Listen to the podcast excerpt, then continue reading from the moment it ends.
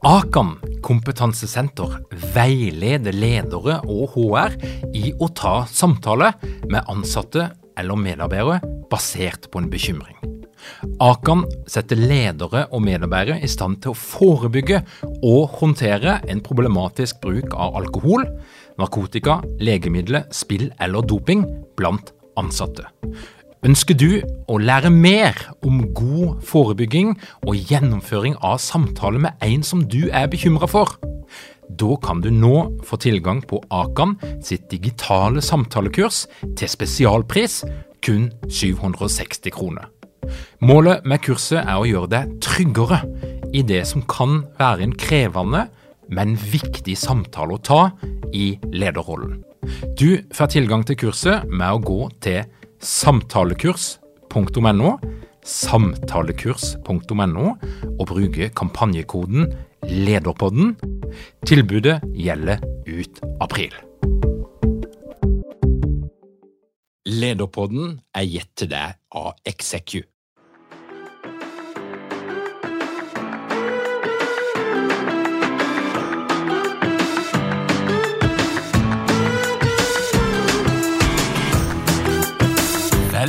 Velkommen til Lederpodden.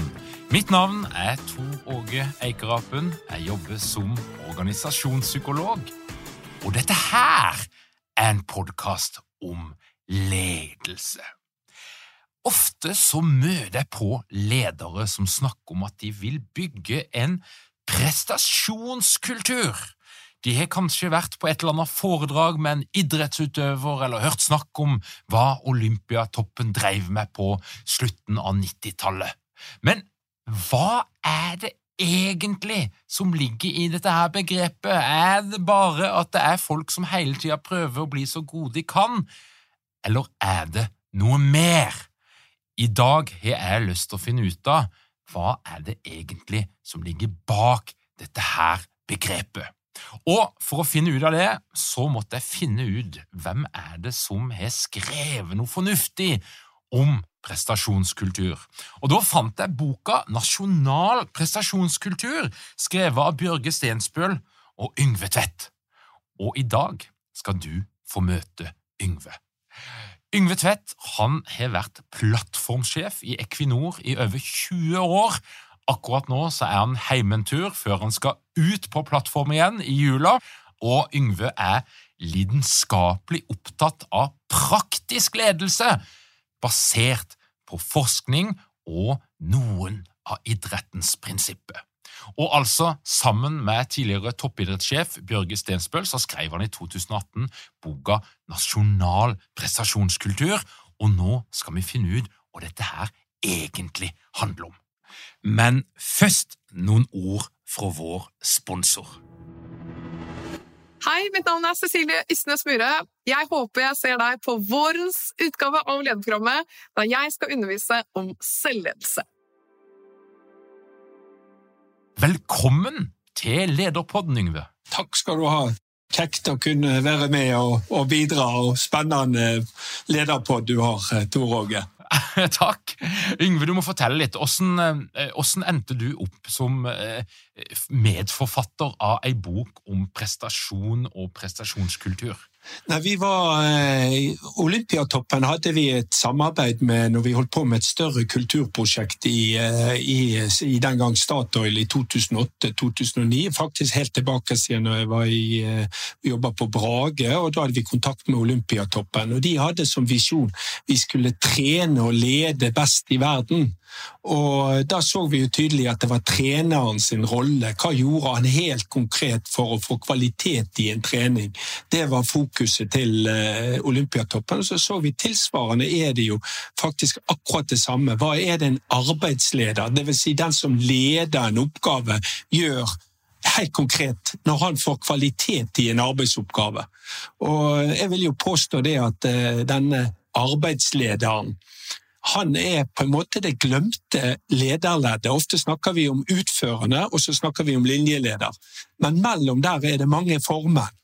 Og Det er ofte en uoffisielt eh, ledernivå, men, men, men, det er der. Og, og, og eh, dette er jo ikke noe nytt. den som faktisk innså at det var viktig å ha et strategisk tilnærming og sitte arbeidslederne i stand, var jo Cæsar med centurionene. Og han, han faktisk Eh, hadde stor fokus for å sitte de i stand og jobbe mye med de, og, og, og Det var kanskje derfor mye av årsaken at han hadde så stor suksess på slagmarken.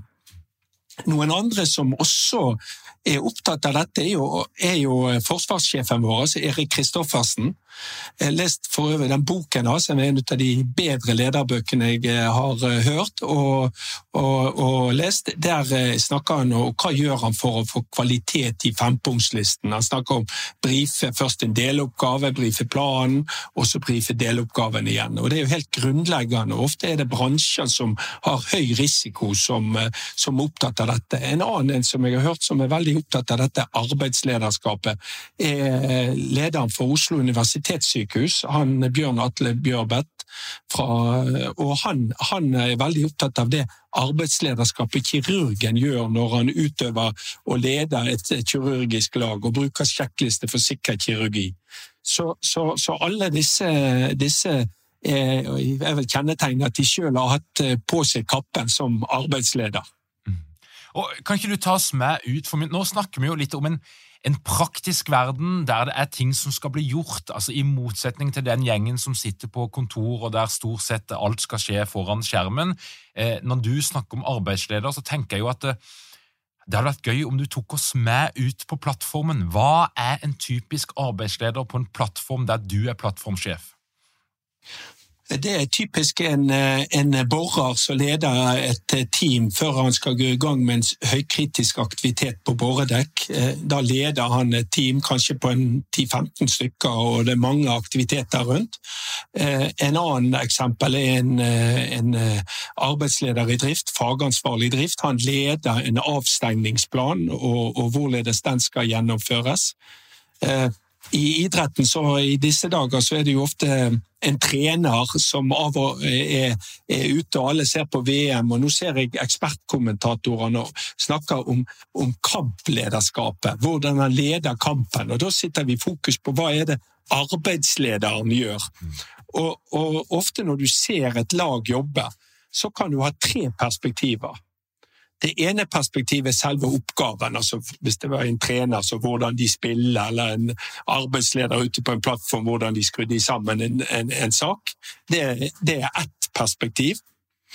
Eh, det andre perspektivet er selve samhandlingen i laget, hvordan selve laget snakker til hverandre under operasjonen.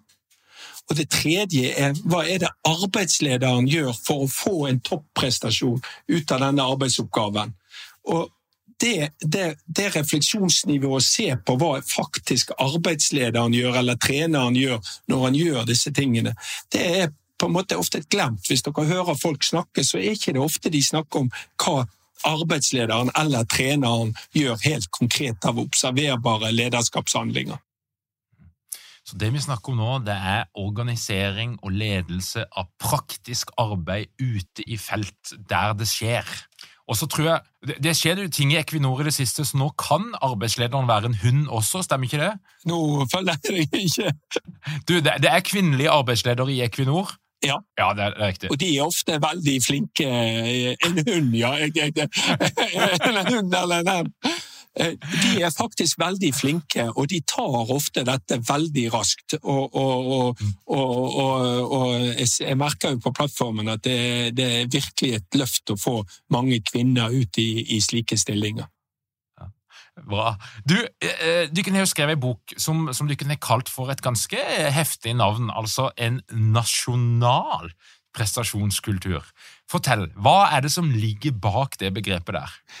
Nei, Hvis vi tar bakgrunnen i uh, dette med, med, hvordan en oppgave gjennomføres Så hvis meg og deg skulle gått i gang med noe, enten det å avholde en trening på en fotballbane, eller vi skulle skru opp en, eh, en, en lampe på, på, på, i taket, så starter det alltid at vi må ha en felles forståelse for hva vi skal gjøre. Og, og, da hjelper det ikke at jeg har mitt inni hodet eh, og du har ditt inni hodet. Da må jeg faktisk spørre deg. Tor Åge, nå skal vi skru opp denne lampen sånn og sånn. Hvordan har du forstått dette? Og først når, når vi har den felles forståelsen av faktisk hva vi skal gjøre. Og, og selv enkle oppgaver så ser vi at folk har eh, manglende felles forståelse. Vi ser ting voldsomt ulikt. Og skal vi felles, Først for å ha en felles forståelse for hva som kan gå gale, så må vi ha en felles forståelse for hva vi skal gjøre. Og Deretter så er det jo å spørre Tor Åge, hva ser du av disse utfordringene med dette? Og Så sier jeg mine utfordringer, og så oppsummerer jeg mine utfordringer, våre felles utfordringer eller risiko med jobben. Og så må vi ha en plan for denne jobben. Og da Hvis jeg er arbeidsleder, så sier jeg ja, nå skal vi gjøre sånn og sånn. Vi har noen krav til denne jobben. Vi har et styringssystem eller krav og lover og regler. Og de beskriver faktisk Vi kom opp med seks risikoer på denne jobben, og de beskriver faktisk fire ut av disse risikoene. Og det vil være organisasjons beste måte å gjøre denne jobben sikkert og effektivt og forutsigbart. Så vil det være noe situasjonsbasert. Det vil være vanskelig tilkomst, verktøy Det vil alltid være situasjonsbaserte. De også må vi ha en plan for.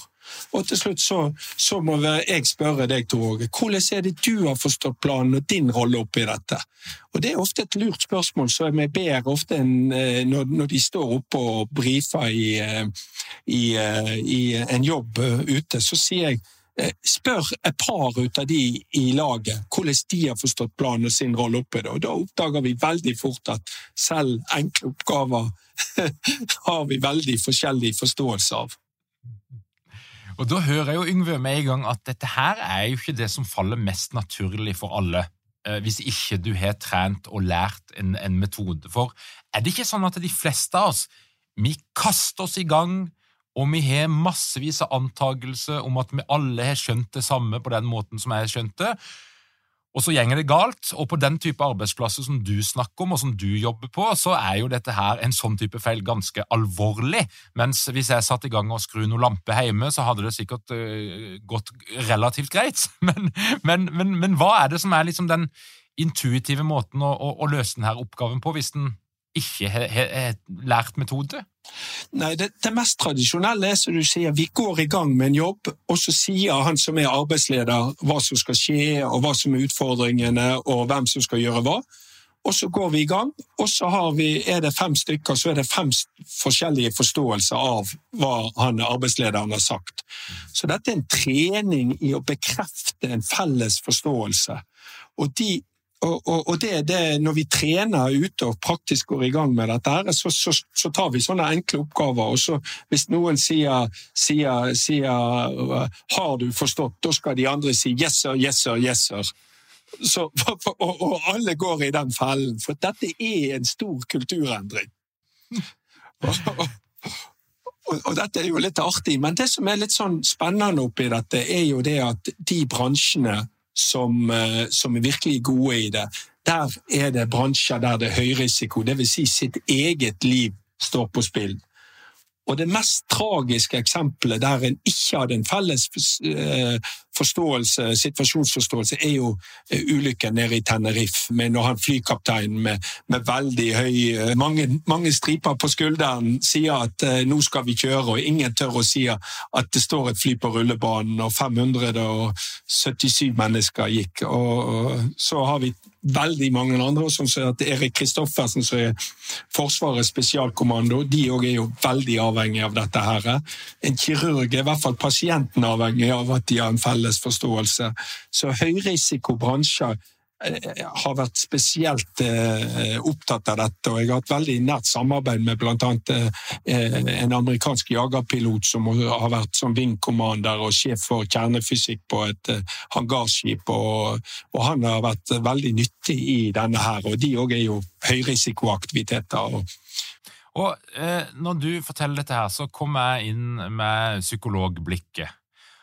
Og det jeg tenker da, det er jo at um, det er ikke gitt at en hvilken som helst um, arbeider på en oljeplattform tør å si hva hun eller han egentlig tenker i et, et, type lag der det er noe hierarki, det er noen statusforskjeller. Altså, og, og, da er vi jo fort inne på det fenomenet som er blitt kjent som psykologisk trygghet, som er et slags premiss da, for at folk faktisk skal tørre å si hva de ser, hva de tenker, hvilke risikomomenter som de eh, opplever?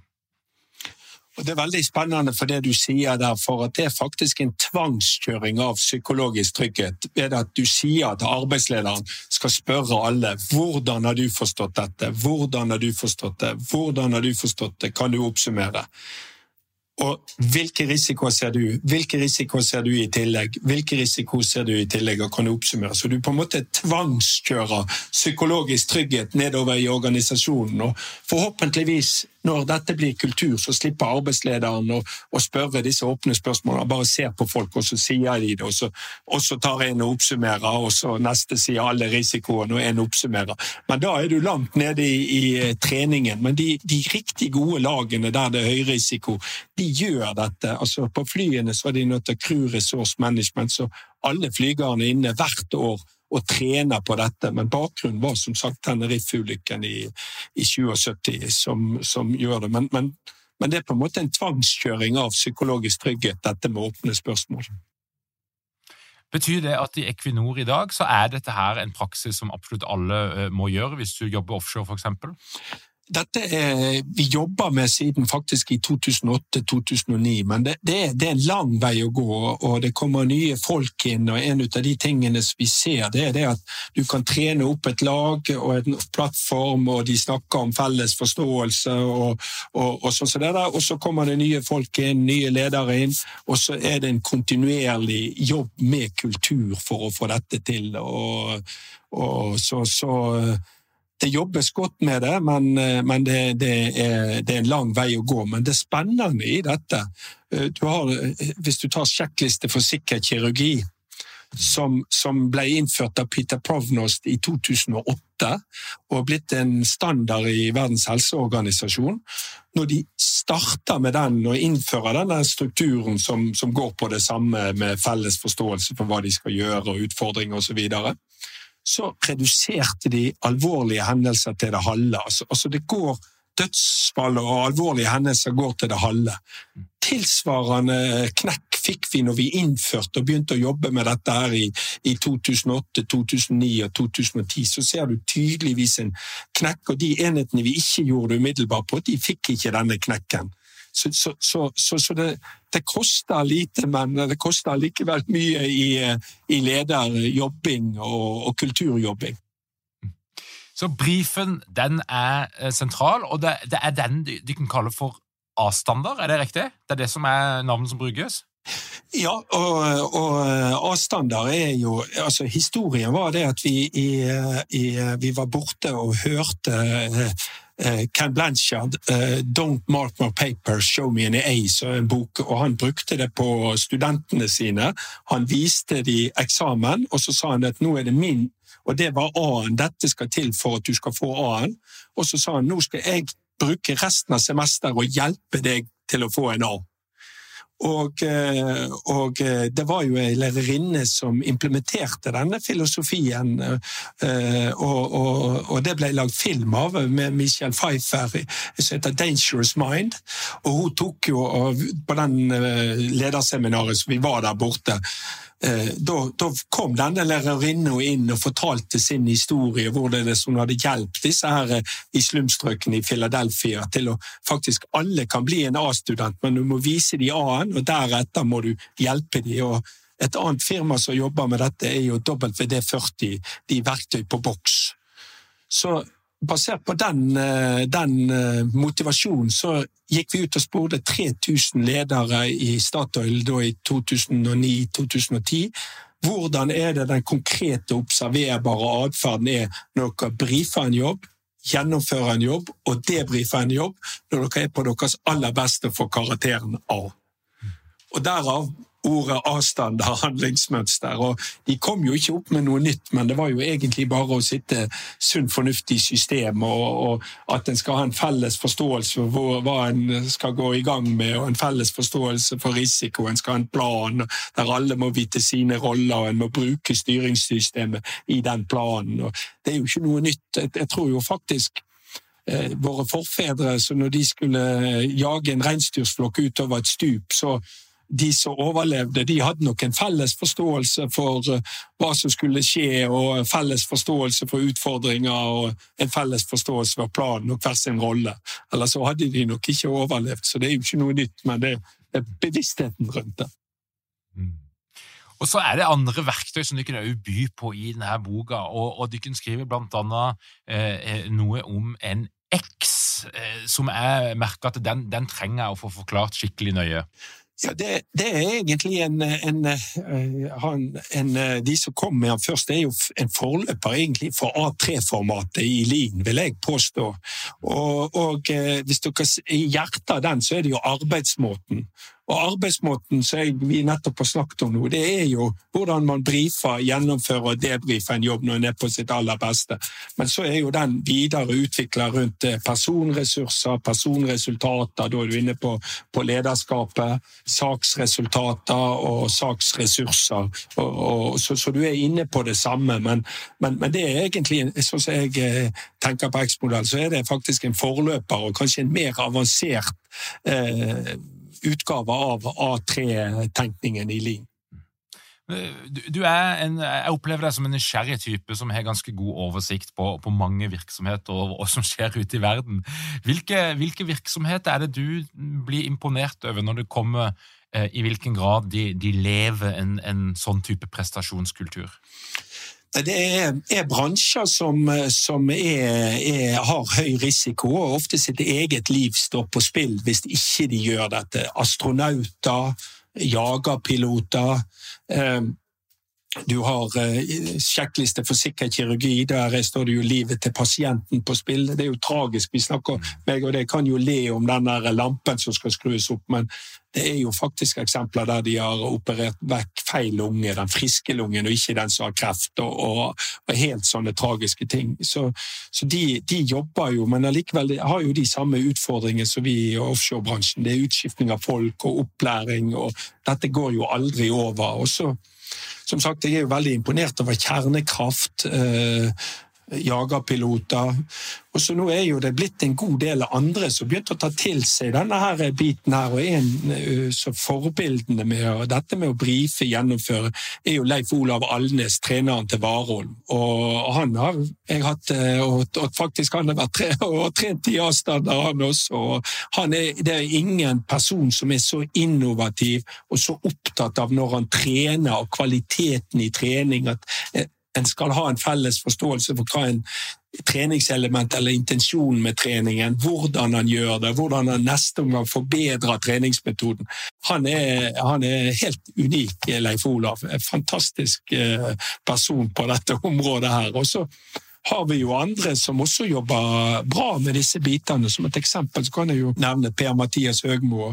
Eh, meg og Stig Inge trente eh, de landslagstrenerne her for eh, en god del år tilbake. Og Da snakker vi om Stig Inge Bjørneby, vil jeg anta? Ja, Stig Inge Bjørneby. Ja. og da var det Per-Mathias vi, vi, de var ute og trente, trente seg på et, på et, lag på et toppidrettsgymnas. og Da var det han eh, hjelpetreneren hans han skulle trene en aktivitet. og Han hadde, kom fra Spania og utenlandske. Så han klarte ikke å skape felles forståelse for disse guttene på toppidrettsgymnaset på en opptrening. Og Da ble det mye detaljering og justering underveis, lik sånn som jeg og deg ville ha gjort når vi skulle skru opp den lampen, hvis ikke vi hadde felles forståelse.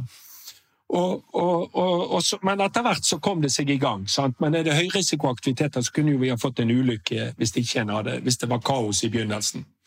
Så var det Per-Mathias. Han var veldig nøye med å beskrive oppgaven. Hva er intensjonen? Da var det å vri spillet over på en annen måte. og og han, når han tok og gjorde denne biten her, så, så, så, gikk de i gang med treningen. Og da så du spillerne visste det med en gang, og de, og de hadde skjønt det.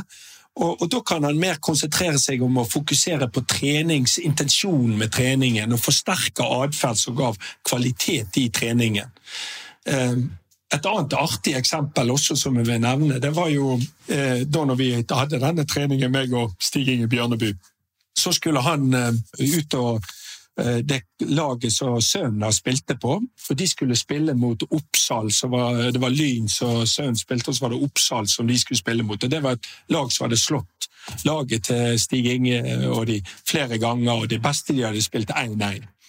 Og så, og så, tok Stig Inge og så gjorde dette. Ja, Nå deler vi opp kampen i, i tre eh, faser eller delaktiviteter. Først er det gjenvinningsfasen, overgangsfasen og avslutningsfasen. Og så forklarte han Eh, planen i hver enkelt eh, fase i, i gjenvinningsfasen, så spurte han disse her. Så de er jo vant med å bare sitte der og, og, og se ned og ikke få. Så fikk de spørsmål hvordan er det du har forstått planen og din rolle i gjenvinningsfasen. Så spurte han alle disse, og så Stig Inge har jo en veldig stor standing som fotball, så de der hoppa jo i stolen. Men de ble fort veldig sånn, og så så du at de gjorde avklaringer seg imellom. Og så gikk de i overgangsfasen og, og sånn. Og så gikk kampen i gang, da. Og eh, så kan du jo lure på hva resultatet var til pause, Tor Åge. Ja, det tør jeg ikke å gjette på engang. 6-0. Men den artige delen og hovedpoenget i denne historien var faktisk det at uh, han tok Er dere mange ledere uten trening eller utdannelse innen ledelse? Mangler dere en felles kultur og praksisforledelse? for ledelse? Ønsker dere å være bedre rustet for fremtidig vekst og endring?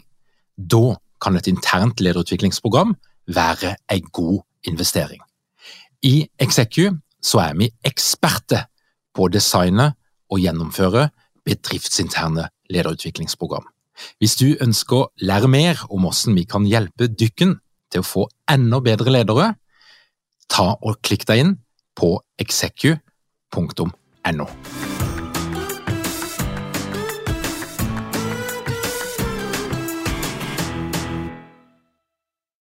og eh, kom noen eh, folk fra motsatt lag inn i en varmestue, for det var kaldt, dette var en høstkveld, og jeg satt inne, og så spurte jeg ja, hvordan går dette her, da? Og sier han der jeg skjønner ikke hva som har skjedd med dette laget her, de har så god kontroll, alle vet hva de skal gjøre, vi har ikke en sjanse. Og, det, det, er liksom den erfaringen som du ser med mye ut av det. Når du får kvalitet i brifen og kvalitet i arbeidslederskapet, så går kvaliteten opp. Og Det er litt det samme som vi så med Equinor, som reduserte sine hendelser til det halve når vi gjorde det. Sjekkliste for sikker kirurgi. Altså, Det er veldig lite som skal til, og det sier jo seg sjøl at når folk får felles forståelse for hva de skal til så blir det høyere prestasjoner. Og så er det jo sånn at det, Idrett er jo en egen boble. Det, det, er, det, det, er, veldig få arbeidsplasser som ligner på den verdenen som idretts, toppidrettsutøvere lever i. Eh, høyrisikobransje er jo òg en litt sånn egen greie. så Yngve, det som er litt sånn nysgjerrig på, det er jo åssen kan helt eh, vanlige ledere i risikofrie bransjer, der de sitter på et kontor og holder på med greiene sine, åssen kan de bruke det som dykken har funnet ut av, eh, for å skape bedre resultater, bedre ledelse, bedre kultur? Nei, jeg tenker det at eh, Når det gjelder i en, en kontorsetting, eller hva det måtte være, så faktisk å starte hva er eh, hvordan er det du har forstått dette møtet? Hvordan er det du har forstått denne arbeidsoppgaven? For vi gir ut ofte arbeidsoppgaver, og så går vi i gang, og så sjekker vi ikke ut hvordan mottakeren har forstått det, også i neste omgang, hvis vi er riktig eh, dårlige ledere, så kjefter vi på han medarbeideren som, som, eh, som eh, har prøvd etter beste evne å gjøre noe basert på kommunikasjonsevnene til arbeidslederen. Og så Hvis han ikke har gjort dette, så gir, får han kjeften. 'Hva er det nå du har funnet på?' Nå, sånn, sånn og sånn. Også, mens, mens det er egentlig han arbeidslederen som egentlig er hovedårsaken til at ikke, ikke arbeidstakeren har, gjort akkurat som arbeidslederen tenkte. For han har ikke beskrevet godt nok hva han har inni hodet sitt. og, og, og det er trist. Jeg pleier å si til mine barn når de er ute, og, eller nå er det ikke barn lenger, da sier jeg hvis noen sitter dere til en jobb, stor eller liten, ta oss og si det. Basert på det du sier, så har jeg forstått jobben sånn og sånn og sånn. og sånn. Det, det, er, det, det, høres jo sånn vanvittig selvsagt ut. Samtidig som når du beskriver det, så skjønner jeg jo at det er jo rett og slett ikke sånn det foregjenger de fleste steder. Det, stemmer, og, og, men, men, de gode gjør det sånn, og så lurer vi på hvorfor. Og jeg tror jo også en effekt av dette her, når vi har alle har en felles forståelse for hva som skal gå, gå i gang, så blir det også et bedre arbeidsmiljø. For, for, for, eh, for, eh, romerne igjen sa jo ikke 'gode avtaler gir gode venner'. Det var ikke det de sa, men klare avtaler gir gode venner. Godt poeng. Men eh, når du er rundt og ser, hva, hva, er det som irriterer deg mest? Altså, hva henne er det ledere og trenere og andre bommer? For du er jo på en liten sånn med denne boka og prosjektet deres, så dere er jo litt misjonære for en litt annen måte å tenke på. Og da er jo det et tegn på at det er noe som dere er ikke helt fornøyd med. Jeg tror, jeg tror først det er det at eh, det som Bjørge pleier å si, godt nok-syken den, den, er, den er, er, er, ganske fremtredende hos mange. Ja, men vi trenger jo ikke dette her. Dette er jo ikke nødvendig. Og, og jeg tror ikke lederne Det er noe gale med de som sier, men de er bare så overlest med det administrative. Det er administrasjon og KPI-er og kontroller, det, det, det, det, en kaller for management.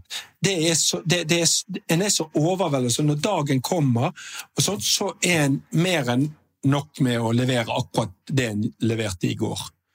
Og, og, og, det første så ofte jeg begynner med, det, det er å, å, klargjøre i en gruppe som går inn i forskjellen mellom det administrasjon og kontroll versus det å drive med lederskap og løfte prestasjonene og få det til å skje. Og det, det kreves tid, og hvis ikke det kommer noen og presser din Det kan jo være at du har en stor transformasjonsleder på toppen som setter retning, men i mange tilfeller så er også han nedlest med det, den daglige dunt og springer i sitt hamsterhjul. Så når sånne som meg og deg kommer inn og sier noe, så blir vi sett på som uh, litt uh, greit når han der maser om.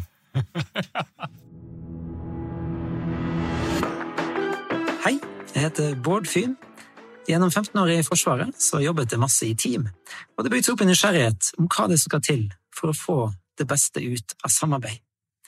Nå forsker jeg på å undervise om eh, hvordan psykologisk trygghet kan bidra til gode teamprestasjoner.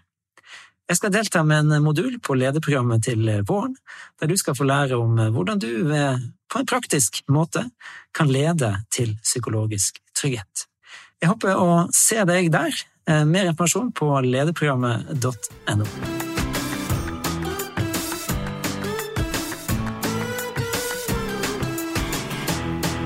Yngve, du, du har jo, eh, jeg har jo nå funnet ut at du har spist middag med John Cotter, og, og eh, kjenner godt til hans måte å tenke på. Det er jo litt morsomt han, han bruker den burning platform. Det passer jo ganske bra for en plattformsjef.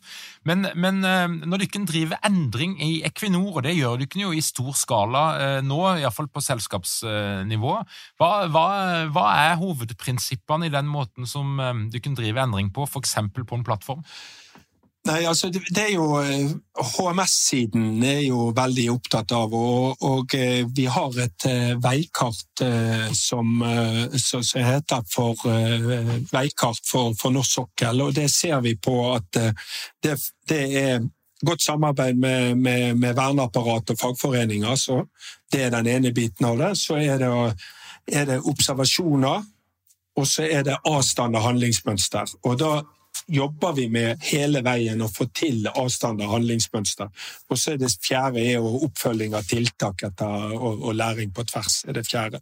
Men, men avstander er faktisk hovedbærebjelken som en jobber etter. Og, og, nå skal en også i den fornybare biten av Equinor gå ut og være enda tydeligere på det. Jeg var borte i England og trente disse vindturbiner i, i, i, i fornybarbransjen. Og og, og, og, det som var litt spennende, det var da, da, da kom jeg jo ut i et helt fremmed, eh, fremmed uh, område og fremmed kultur og alt sånt. Så Men de kjøpte dette veldig lett, for dette var folk som kom fra Flyforsvaret. Og, og, og de, de, to, og militærfolk, og de skjønte dette med en gang med felles forståelse, brief, gjennomføring og debrief. Så de tok denne med en gang. Det som av og til kan slå i hjel denne type tiltak, det er det at vi prøver å lage struktur ut av kultur. Så da innfører vi et eller annet skriftlig.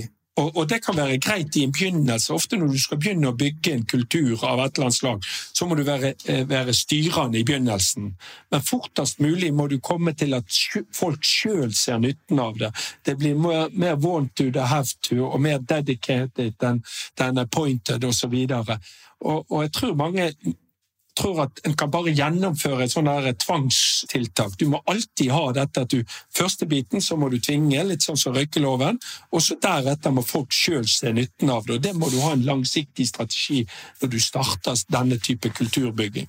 Og Det jeg så med disse karene der borte, jeg sa at det er ingenting skriftlig med dette. Da så de at de de, de, de senker skuldrene. Men hadde jeg sagt at de skulle fylle ut noe, så hadde ikke de gjort eller prøvd dette i det hele tatt.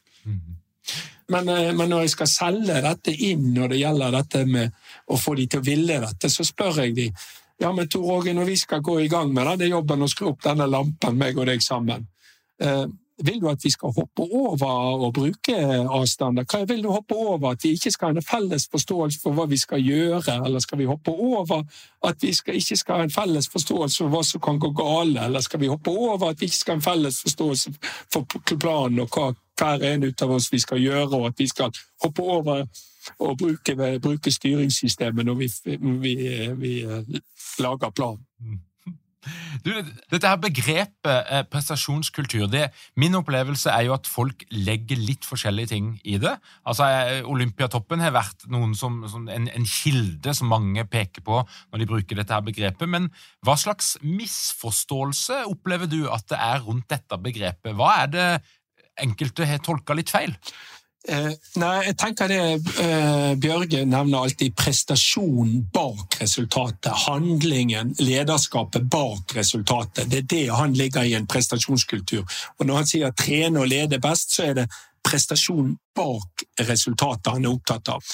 Og da er det, Hvis vi tilbake til Leif Olav eh, Alnes, altså hvordan er det han avholder en trening? Det er ikke det at Warholm vinner løpet, det er bare et produkt av hvordan han trener. Eh, tilsvarende så, eh, som vi skriver i boken på den lokale Rema 1000-butikken vår her, så, så tar, tar, jeg og ser ei som skal ut. og Hun har slutta jobben, og så ser hun at noe ikke ligger skikkelig i, i hyllene. og Så justerer hun på det. Det er en form for en prestasjonskultur. På samme måte som du kommer inn på et hotell og ser at så kan du enten se at en ansatte går forbi et, noe boss som ligger på gulvet, eller du kan se han plukker det opp. Og da har du skapt en, Hvis han plukker det opp, sånt, da har du skapt en stolthet. Her skal vi levere. Og alle har jo lyst til å levere og bli sett på og få anerkjennelse for det. Så tror jeg alle mennesker er. Mm. Og Yngve, jeg husker ikke om det er du som har sagt det, eller om jeg har lest i boka di, men, men, men et, et sånn type mål på en prestasjonskultur, eh, det er jo åssen oppfører medarbeider seg når sjefen ikke er til stede. Og Der finnes det jo noen hoteller med, med veldig markante ledere, eh, og alt er tipp topp når de er på jobb. Men så merker du at så fort den lederen er ute av døra, så faller prestasjonen. For det er ikke internert, og det er ikke basert kanskje på, på ja, Folk har ikke gjort det til sitt eget. Det er kanskje basert på noe frykt eller noe kommando eller et eller annet. Ja, og, og, der tenker jeg det er positiv forsterkning, også at folk ser nytten av det sjøl. Og hvis ikke du kommer der at det er et reelt hjelp for dem, så vil ikke de, eh, vil de ikke gjøre dette. Og, og, når det gjelder rundt avstander og min erfaring, så liksom når jeg har hatt en god dag på jobben, så har jeg hørt borte i gangen. Og det er ofte etter et år eller to jeg har vært ute, og så hører jeg det. Nei, nå, nå, nå, har ikke vi felles forståelse. Nå må vi sitte oss ned og være sikre på at vi har felles forståelse. Da skjønner jeg at kulturen er begynt å sette seg. Eh, så, så, så, så, det er jo sånne type ting. Og, men, men, da må du Altså, folk må bli anerkjent for dette. Dette er slik du gjør det. sånn at Det er ikke noe som du kan installere en dag og tro at du har neste dag, men du må gjøre det hele tiden og jobbe med kulturen og, og gjennom positiv påvirkning. Og, og, Det vi ser ofte, mange sier er jo mye, mye forskning rundt positiv eh, forsterkning og, og negativ og osv., men hele denne filosofien, ref tilbake til hun lærerinnen borte i Philadelphia og sånt, så er det jo å vise de an og så forsterker de når de er på vei til A-en. Og, og, kanskje ikke gå på resultatet, men måten de jobber for å nå resultatet. Men du er veldig tydelig på at her skal vi ha et mønsterbruk. Vi skal lage et mønsterbruk. Her skal det være bra. Dette ser sånn og sånn og sånn ut. Har dere noe innspill på hvordan dette bildet kan se enda bedre ut når vi har et mønsterbruk? Og akkurat likt sånn som den, eh, han Ken Blanchard gjør med studentene sine. Og deretter så sitter han seg sjøl i bunnen av hierarkiet og hjelper alle til å bli A-studenter. Så det er jo på en måte et, et, et eksempel på uh, servant leadership. Men du er veldig tydelig på at du skal ha et toppresultat, du skal være et mønsterbruk, men du sitter dine egne behov til sides for å hjelpe alle til å bli en del av dette mønsterbruket. Og hvis jeg driver et eh, hotell, og så har jeg en slags idé om åssen eh, det skal være når det virkelig er på sitt beste. Åssen ville du anbefalt at jeg gjorde den prosessen med å formulere og beskrive A-standard, som altså er når når hotellet virkelig fungerer sånn som det skal, og alt er tipp topp, både med lokalitetene, servicen, menneskene, hele pakka? Nei, jeg, jeg, jeg, ser jo blant annet Jeg var nede på Støttvik hotell. Vi hadde et møte der nede for en tre-fire år siden. Og, og da, da traff vi lederen der. og og hun var veldig opptatt med at sånn var det det skulle se ut, det var frokosten eller lunsjen, og, og at det var, det, dette er A-en for hvordan en frokost eller en lunsj skal se ut. Og Deretter så var hun veldig opptatt av å hjelpe folk, at folk fikk kunnskap og ferdigheter til å gjøre det, men ikke minst positiv påvirkning. Men det, men det starter jo med at lederen sier at nei, her skal vi ha et mønsterbruk, sånn skal det se ut. Er, og, og, og, og, at den faktisk setter den. Altså det, det, er akkurat det samme. Vis meg A-en, og så hjelpe organisasjonen til å få A-en. Og for hun så var A-en den åssen uh, frokosten eller det skulle se ut. Men hvis, hun, hvis en hadde bare gått ut og kjefta nei, det er ikke bra, det er ikke bra, så vet ikke folk hvordan A-en ser ut. Da blir det negativt og lederskap. Så, så denne tilnærmingen har jeg veldig tro på, og han er positiv på alle områder. Det, det, minner meg litt om sånn, Når du kommer inn i sånne eh, fabrikker som er veldig glad i lin, så henger det ofte et bilde av hvordan det kontoret og det møterommet skal se ut når det er ferdig rydda. Er det, er det noe av samme tankegangen? Det er jo det samme, og ofte i mange, mye av leder, lederopplæring så er jo det de samme prinsippene det går på. En bruker litt forskjellige synonymer og sånn. Men det er jo et klassisk eksempel. Du har et verktøyskap eller et bord eller sånn. Dette er sånn det ser ut. Og så, og så fokuserer du. Så, men da er det viktig at hvis, hvis jeg som, eh, som, eh, som leder da, så, så, tar jeg og sier dette er kjempebra, dette er akkurat sånn vi vil, og så sier jeg og dette er ett ut av eh, satsingsområdene våre, eller suksessfaktoren for at vi skal nå visjonen vår for å bli det beste hotellet, eller, eller, eller hva det er. Sånn at du knytter Da får medarbeideren et klart bilde av hans, den, hans bidrag til å nå eh, visjonen. Og, og, og, og, blir på en måte ansatt i gruppen. Så, så, så jeg, jeg, tror det også tenker jeg det at um, hvis du ser at ikke det er ting, så er det bedre å vise det. Samtidig som du, du har en medarbeider og, og, en som gjør det, og en som ikke gjør det. Så sier du til den som gjør det, og passer på at den som ikke gjør det, er til stede. Og så sier du 'dette var bra, sånn vil jeg ha det'. Og så ser du kanskje den medarbeideren som som ikke har levert sånn, som ser litt ned og sånn. Men neste dag så har den òg lyst til å være en A-student og levere. Og jobber du systematisk over tid med disse tingene, så funker, funker teorien, og, og metoden fungerer. Det er ett element her som jeg tenker ikke er så viktig i i hvert fall ikke på, på en plattform eller i høyrisikobransje, men på et hotell så vil vi jo òg ha en eller annen grad av forbedring, kreativitet. Vi vil bruke den kollektive intelligensen i medarbeiderflokken til å se kan dette her frokostoppsettet bli enda bedre. Så, så hvordan balanserer du det litt For det er jo noe litt rigid og standardisert her. Mm. Hvordan balanserer du det med å òg skape noen rom for forbedring, og, og, og, der folk kan bruke kontinuerlig erfaringene sine til å få noe til enda bedre, sånn at A-standarden faktisk heves jevnt og trutt? Og dette er jo, eh, Avstand og handlingsmønster er jo brief, gjennomføring og debrief. Og det er i debrifen en, eh, en, eh, en, en har forbedringsbiten i seg. Og Når det gjelder dette med debrief, det jeg anbefaler mange bransjer Jeg har vært inne i oppdrettsindustrien, jeg har vært ute offshore og sånn. Det jeg anbefaler ofte en sånn arbeidsgruppe som skal gjøre et eller annet. De samles på en eller annen plass, og så starter de om morgenen. Og, og, du ser de fleste har en eller annen form for arbeidstavle. Hva skjer, hvem gjør hva, hvordan. Der har du en tavle. Og, og det har de om morgenen. Men ta den om kvelden òg, og, og, da være ett ut av typiske punktene. Hva var det vi kunne ha gjort bedre? Så det, Når jeg jobber med, med både offshore og andre plasser, så, jeg ser, så, så sier jeg at jeg anbefaler dere å lage en arbeidstavle der dere har, og da lager dere arbeidstavlen sånn som skal, han skal se ut, kombinert med en tilhørende agenda. Og Tilsvarende skal den arbeidstavlen ha en tilhørende agenda på når jobben er ferdig. Og da er det da er det hva var det som skjedde i dag, hva var det kunne gått bedre? Og klarer du å jobbe inn den strukturen, så får du forbedring. Mm. Men det må gjøres.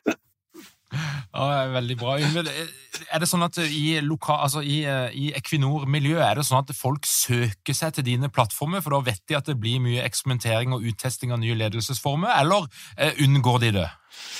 Nei, jeg, eh, nå skal, nå, dette er et vanskelig spørsmål, og jeg skal skryte av meg sjøl eller skal ikke, men, men, mange ledere sier til meg at eh, de sitter veldig pris på denne lederformen. og det, Mange tror jo det er sånn snillismelederform, men det er jo ikke en snillismelederform, for du sier jo hvordan du ønsker å ha det, så, men deretter så hjelper du folk til å bli en best mulig utgave av seg sjøl, slik at vi skal skape dette mønsterbruket.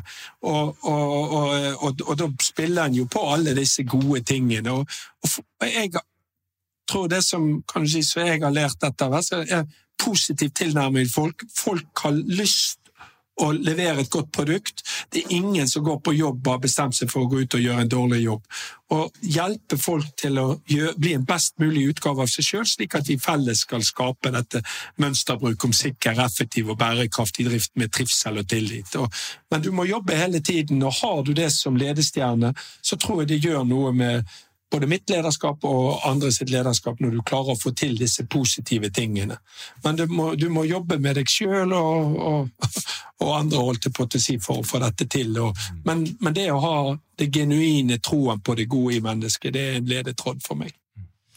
Det som jeg nå oppsummerer med, det er jo at en prestasjonskultur handler om å sette en standard for hva som er en god prestasjon, eh, skape en felles forståelse for det, men òg eh, unngå å anta at forståelsen er lik. Det er jo noen som har skrevet noe sånt som at uh, 'assumptions is the mother of, of all fuckups'.